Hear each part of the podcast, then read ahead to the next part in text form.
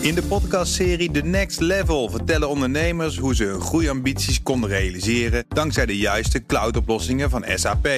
Wat waren de uitdagingen, de oplossingen en hoe ging de uiteindelijke implementatie? Benieuwd naar hun verhalen en hoe zij met behulp van SAP ook hun toekomstige ambities kunnen behalen? Luister de podcast The Next Level via de BNR-app of je favoriete podcast-app gaat dat eigenlijk controleren? En wat doe je als commissaris als je het niet eens bent met het gedrag van je CEO? Dat en meer bespreken we in het boardroom panel bestaande uit Louise Gunning, voorzitter van de Raad van Commissarissen bij Schiphol Group en ONVZ. Anton Wiggers is bedrijvendokter en partner bij Themis Company. Mijn zakenpartner is AG Telleman, managing partner bij Twijnstra Gudde en voorzitter van de Sportraad Amsterdam. Welkom allen, hebben wij contact? Ja. We hebben contact. Nou ja, zeg wat fantastisch. Het begin is veelbelovend. Ik wil met jullie nog even heel kort uh, terugblikken op de persconferentie van afgelopen dinsdag van premier Rutte. Waarin duidelijk werd dat de meeste maatregelen werden verlengd. Uh, er zijn critici die hebben ook in dit programma en op deze radiozender al uh, laten horen van ja, het ging eigenlijk te weinig over de economie. Louise, hoe heb jij naar die persconferentie gekeken? Nou ja, zoals jij in de inleiding al zei, ik zit hier met twee petten op met uh, als president-commissaris bij ONVZ, een zorgverzekeraar, vind ik het ontzettend belangrijk dat we met z'n allen proberen dat dat zorgsysteem overeind blijft. Niet alleen voor de coronapatiënten, maar ook voor de reguliere patiënten. En het vermijden dat er een tweede golf achteraan komt, vind ik vanuit die optiek heel erg belangrijk als commissaris. Voor Schiphol zijn het denk ik niet de landelijke maatregelen, maatregelen die onze mobiliteit gaan bepalen, maar de internationale. Uh, en daarin zullen we toch samen moeten open, optrekken. En het vermijden van een tweede uitbraak uh, maakt de kans groter dat we langzamerhand weer internationaal kunnen gaan ja. bewegen. Maar premier Rutte die, die geeft uh, al meerdere keren aan. Het, het zijn geen tegenstellingen, volksgezondheid en economie. Het zijn misschien uh, twee kanten van dezelfde medaille. Uh, nou, kijk maar naar, naar je eigen takenpakket als, als commissaris bij enerzijds Schiphol Groep en anderzijds ONVZ. Zie jij dat ook echt zo? Of, of is het toch een, echt een Ik, andere struggle? Vanuit mijn, vanuit mijn oude vak, want die volksgezondheid ja. is het vakgebied waar ik hoogleraar in was, weten we van de grote influenza-epidemie uit 19. 1918 dat de steden in Amerika die snel waren met een lockdown en hem lang volhielden, een sneller economisch herstel hadden dan de steden die te snel weer probeerden uh, de mobiliteit in gang te zetten. Dus vanuit historisch bewijsmateriaal vind ik wat Rutte doet een verstandige zet. Hmm, maar ja, misschien uh, uh, hebben er te weinig mensen die griepepidemie nog helemaal helder voor de geest. 1918 natuurlijk. Ja, maar je zou, je zou nu zeggen. Is lang geleden. Ja, maar, maar je zou nu zeggen, de, de krater wordt alleen maar dieper.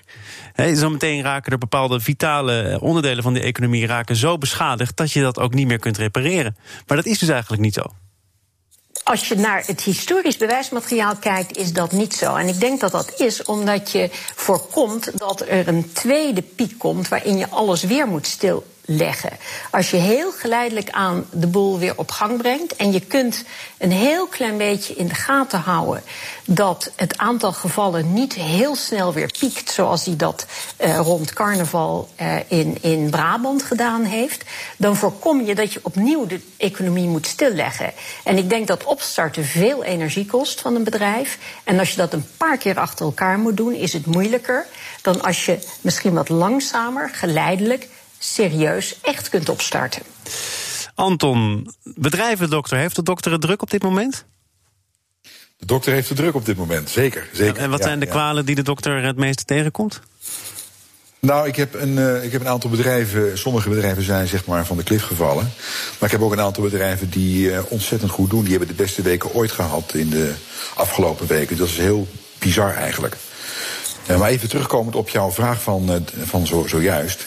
Ik denk uh, dat het uh, macro-economisch is het zo als je terugkijkt naar de griepgolf van uh, begin vorige eeuw.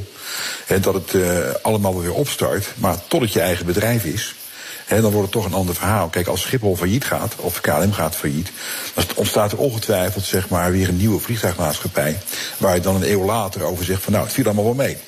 Op dit moment, als het jouw familie is die in het ziekenhuis op sterven ligt, of het is jouw bedrijf wat je generatielang hebt opgebouwd, die moet daarvoor strijden wordt het toch een ander verhaal. En, uh, en, en niks is niet waar. Het is allemaal waar wat er gezegd is. Want het, is een, het krachtenveld verandert. Ik, maar wat, wil je, wat wil je er nou eigenlijk mee zeggen? Wordt er te makkelijk macro-economisch een beetje gebabbeld... Uh, zolang het je eigen bedrijf maar niet betreft? En hetzelfde geldt misschien voor de volksgezondheid? Ja, dat, dat, dat vind ik wel, ja. ja. En, en hoe... hoe nou, ja, Louise? Ik wil zeggen, ik denk dat dat waar is. Zodra het je persoonlijk raakt. Je ziet het bij mensen die uit Brabant en Limburg komen, die ook anders reageren op uh, de maatregelen van Rutte. dan de mensen die in het noorden zitten en eigenlijk in hun directe omgeving nog geen sterfgeval hebben meegemaakt. Ja, maar, maar, maar in jouw geval, dat maakt het wel interessant om jou nu te spreken.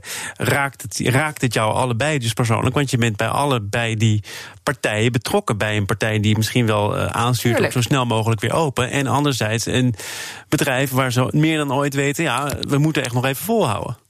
Dus, dus uh, hoe gaat het dan in die Raad van Commissarissen? Nou, kijk, voor Schiphol denk ik dat het allerbelangrijkste is dat Schiphol weer een veilige luchthaven wordt voor mensen om op te vliegen. En daarvoor moet Nederland een veilig land zijn ten aanzien van corona, waar mensen ook naartoe willen gaan of waar ze ook willen overstappen als ze verder willen vliegen. Dus vanuit die optiek kun je je niet beperken tot je eigen situatie lokaal of je landelijke situatie. En ik snap heel goed dat als het je eigen bedrijf is, wat moet wachten totdat Rutte het weer mogelijk maakt voor jou om je onderneming verder te gaan, dat je op een heel andere manier reageert dan als je zoals Schiphol internationaal kijkt wanneer het luchtverkeer tussen uh, landen weer op gang kan komen. Dat is een ander perspectief. Ja, ja, nou, ik, ik, ik merk dat het, uh, als ik die persconferentie van Rutte zie, dan denk ik, uh, dat doet iets van hij is de leider en uh, hebben we vertrouwen in hem. En als ik dan op mezelf afga, dan merk ik dat ik in hem vertrouwen heb. En in het kabinet zit natuurlijk achter hem. En dat ik ook wel zo'n gesprek met mezelf heb van ja, wat is het alternatief? En dus ik, ik moet ook een beetje varen op dat er um, vanuit verschillende belangen, nou, er zijn, het is heel goed dat alle sectoren ook hun vertegenwoordigers hebben, dus ook vanuit de economie wel heel hard ook op de tafel gelegd wordt het belang van uh, als deze lockdown te lang duurt, gaat dat echt heel veel schade hebben. Maar ik heb het idee dat we dat met z'n allen heel erg bewust zijn. Ook al raakt het niet iedereen persoonlijk direct, is er toch wel denk ik een bewustzijn van dat er heel veel mensen hier of nu of in de nabije toekomst hier heel veel leed van ondergaan. Hoewel er gisteren in de Tweede Kamer werd gesproken over het eh, Outbreak Management Team. Het Outbreak Management Team dat zelf heeft aangegeven: luister eens, wij adviseren kabinet. Benadruk ook vooral dat jullie de afwegingen maken, dat jullie de keuzes maken. Maar er, gisteren kwam ook op tafel: moet dat team worden uitgebreid met onder andere psychologen of misschien wel economen of ethici? Als de volgende fase. Kijk, ik denk dat je, je gaat van stap naar stap door die crisis. En je moet elke keer handelen met de informatie die je op dat moment hebt. Dus ik zie het uitbreiden met, met andere specialismes niet als een kritiek op de fase die achter ons ligt. Maar wel een fase waar we nu ingaan. Hé, hey, langzamerhand wordt het belangrijk om ook andere perspectieven toe te voegen. Anton, een, een, een outbreak team uh, dat dan vooral gericht is op de economie. Premier Rutte heeft al gezegd, dat zie ik niet zitten. En er zijn ook critici die zeggen, ja, er zijn nu al duivelse dilemma's. Als je nog heel veel meer andere experts uit andere vakgebieden gaat toelaten... dan wordt het er niet eenvoudiger op. Snap jij dat? Ja, ik snap dat wel. Uh, alleen ik merk ook, ik heb vanmorgen nog gebeld door ondernemer. Ook ondernemers worden steeds, ook, uh, worden steeds meer in, in staat, moet je ze achter, dat ze actie gaan nemen en zich niet meer gaan houden aan de regels. Puur en alleen omdat ze zeg maar, hun opgebouwde vermogen zien verdampen. Of het faillissement, uh, het water staat aan de lippen. En ja, wat zou jij doen in dat geval? Ik begrijp dat ook wel. En één ding, je kunt dit nooit goed doen. Hè? Ik bedoel, uh, je moet een maatregel nemen en, die, en je kunt nooit iedereen rekening houden. Hè? Maar er zijn echt heel veel bedrijven die momenteel op instorten staan. Er gaat een, echt een faillissementsgolf aankomen. En ik merk aan een aantal ondernemers dat ze ongeduldig worden. En wat gaat er gebeuren als in een stad als Utrecht ondernemers besluiten alle terrassen open te gooien? Ja, dan kun je dat nooit handhaven. Maar waarom zeg je dat? Ligt dat op de loer dan, dat dat soort maatregelen op, op gemeentelijk niveau genomen gaan worden dan? Nee, ik zie, ik zie zeg maar wel ondernemers die zeggen: Nou, ik ga gewoon weer open. Eh, ook al mag het niet, want ik moet wel. En als, als heel veel partijen dat gaan doen, wordt het een on, oncontroleerbaar geheel en krijg je chaos. Dat moet je proberen te voorkomen. Nou, op dit moment worden alleen zeg maar, uh, de regels uh, voor bepaalde sectoren wordt er een uh, loonkostenvergoeding gegeven, maar andere kosten niet. En een overheid kan natuurlijk nooit het hele de omzetcomponenten gaan vergoeden. Hm. Maar dat betekent ook dat we nu doen, als we dat gaan verlengen, wordt de schulden die worden zodanig groot dat we jaren bezig zullen zijn om dat te gaan terugbetalen. De bedrijven waar jij net, heel weinig uh, mensen. waar jij het net over had, hè? je zei sommige bedrijven waar ik bij betrokken ben, die doen het beter dan ooit. Anderen die zijn al van de klif gevallen. Zijn het dan bedrijven, uh, en dat is een gevleugelde term geworden de afgelopen weken, die in de kern gezond waren? Of waren dat bedrijven waar dus de basis al wankel van was? Nou, het, het, bedrijf wat zeg maar, van de klip is gevallen, levert uh, uh, kaas aan, aan met name kaasproducten aan, aan retail gerelateerde bedrijven, dus fabrieken die zeg maar maaltijden produceren. Ja, en daar is de retail is natuurlijk echt ook van de klif gevallen. Dus zij ook. In de kern was het een heel gezond bedrijf. En als het te lang duurt, ja, dan gaan ze het niet redden. En dat geldt niet alleen voor dit bedrijf, maar voor vele anderen. Er zijn bedrijven die, uh, en dat zijn er heel veel, die uh, aanspraak maken op overheidssteun. De vraag is nu steeds meer, en zeker nu er een tweede steunpakket zou moeten komen, of dat gekoppeld zou moeten worden aan voorwaarden. Louise, ben jij daarvoor of ben je daar tegen? Ik ben daarvoor, want je gaat een uh, beroep doen op alle burgers van Nederland. En daar hoort bij dat dat ook gebruikt moet worden om het bedrijf zo goed mogelijk overeind te houden en weer aan de start te krijgen. En dat zou niet bedoeld zijn voor uh, private aandeelhouders of voor individuen die uh, volgens hun betalingspakket recht op een bonus hebben. Hm. Ik, ik, uh, ik heb hem gisteren ook aangehaald. Ik las een column van Matthijs Bouwman. Een ironisch bedoelde column, want dat moest hij op Twitter ook heel vaak nog herhalen. Over foute bedrijven. Want uh, er wordt nu gesproken over bijvoorbeeld Booking.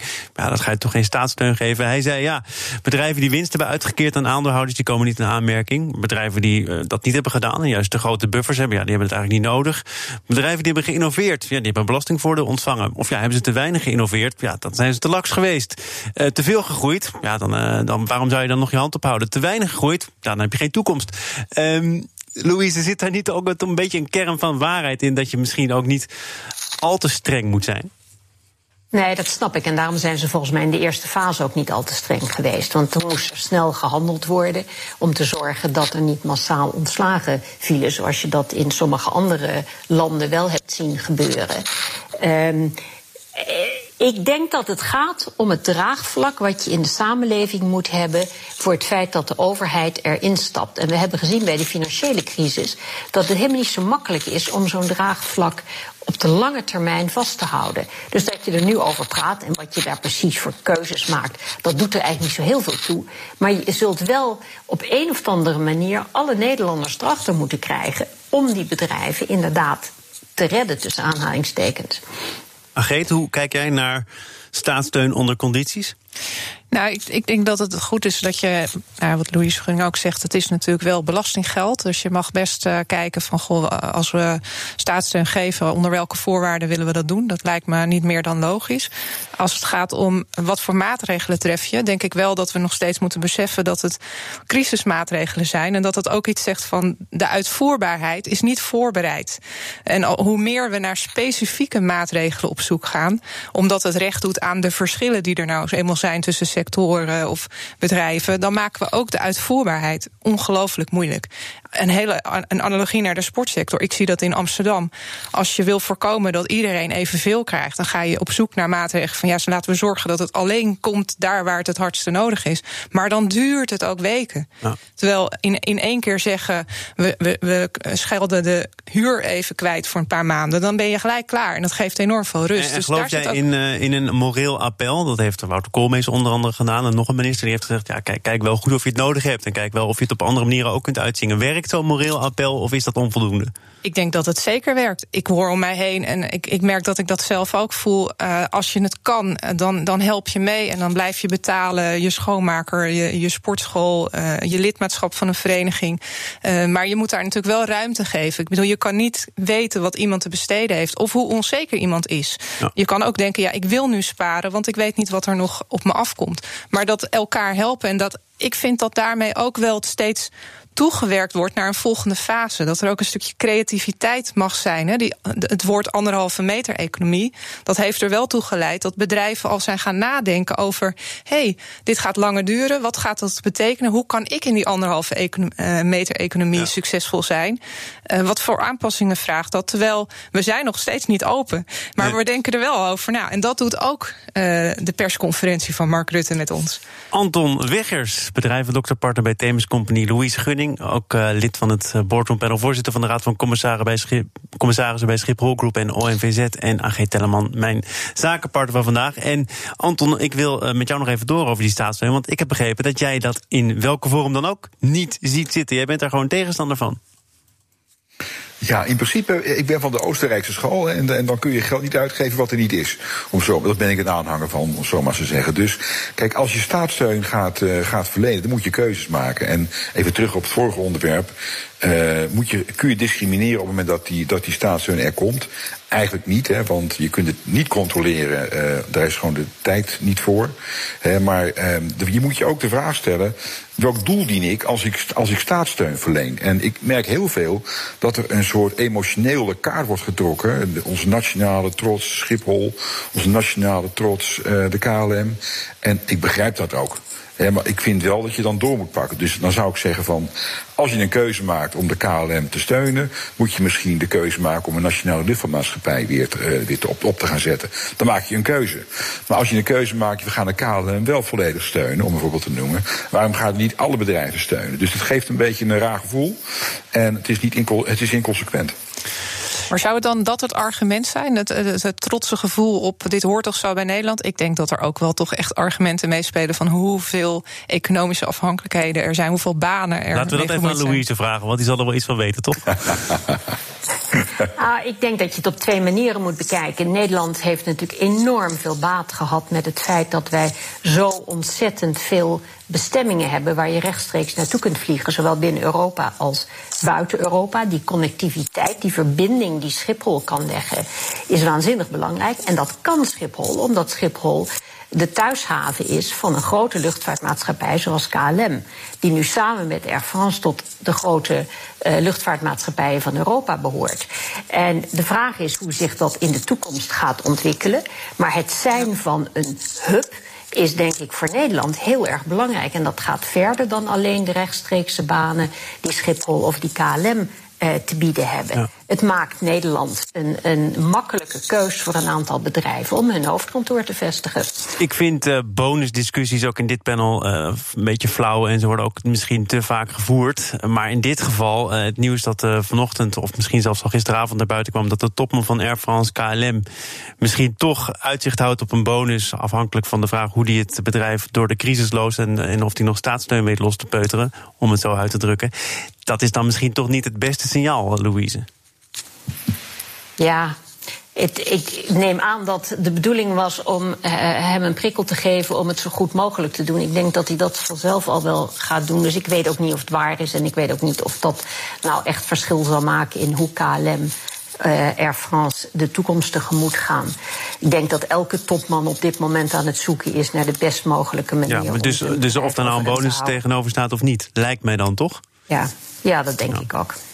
We gaan uh, naar een, een ander uh, groot Nederlands bedrijf, namelijk uh, ABN AMRO. Daar is een nieuwe topman aangetreden, Robert Zwaak. Er verscheen ook deze week een boek van twee FD-collega's van mij... Ivo Bukkering en Pieter Kouwenberg.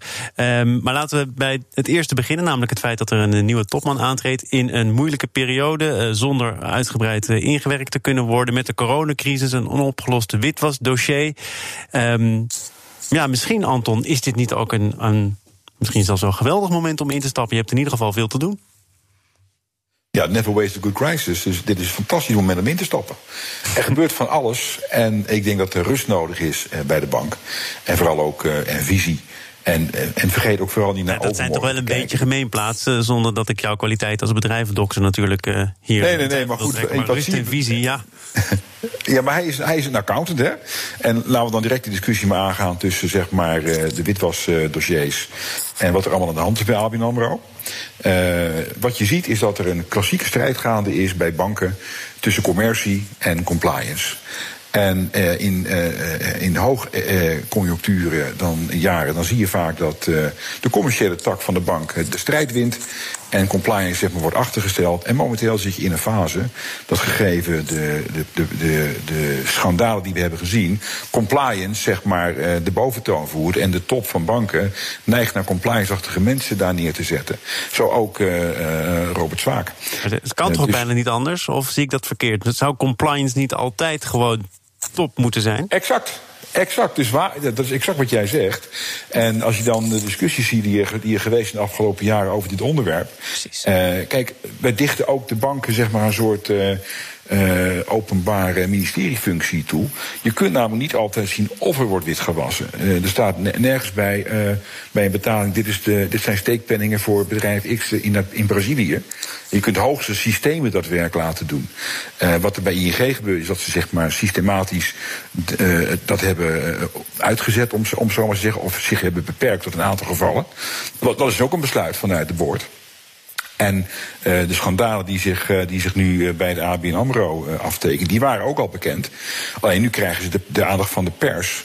En daar stapt dan Robert Zwaak middenin. En die moet daar dan zeg maar mee aan de slag. Ja. Maar dit soort discussies speelt altijd een rol binnen iedere boord van elke bank op ieder moment.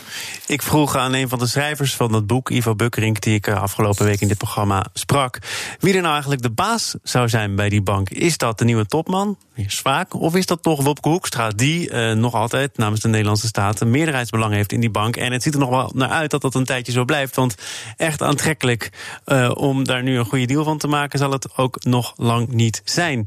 Louise, uh, en de ondertitel van het boek is dan Klem tussen bankiers en ambtenaren. Wie denk jij dat daar nou de basis is? Nou, ik denk dat je. Uh, hebben daar een mooie juridische regeling voor in Nederland. Dat een aandeelhouder wel belangrijk is, maar die is niet de baas. Uh, daar heb je de, om te beginnen een raad van commissarissen tussen zitten. Uh, en een aandeelhouder is een van meerdere aandeelhouders. En de belangen van allen, niet alleen van de aandeelhouders, maar ook van de anderen, moeten door het bedrijf in ogenschouw genomen worden als ze keuzes maken.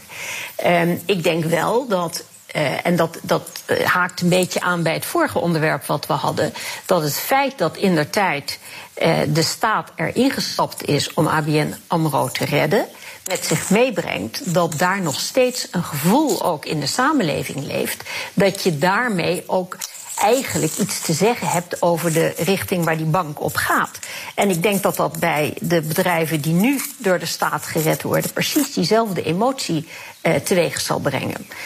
Maar denk je dat hij, uh, de nieuwe topman, graag van dat meerderheidsbelang van de staat af zou willen? Want de vorige topman die heeft die vraag de afgelopen twee, drie jaar meerdere keren gekregen. En die leefde in de veronderstelling dat dat deze kabinetsperiode wel zou gebeuren. En dat het dan weer een bank is die toch vrijer beslissingen kan nemen. Drukt het niet een klein beetje op de sfeer op die bank, denk jij? Nou, ik denk dat, dat je daar heel erg zorgvuldig aan verwachtingenmanagement moet doen.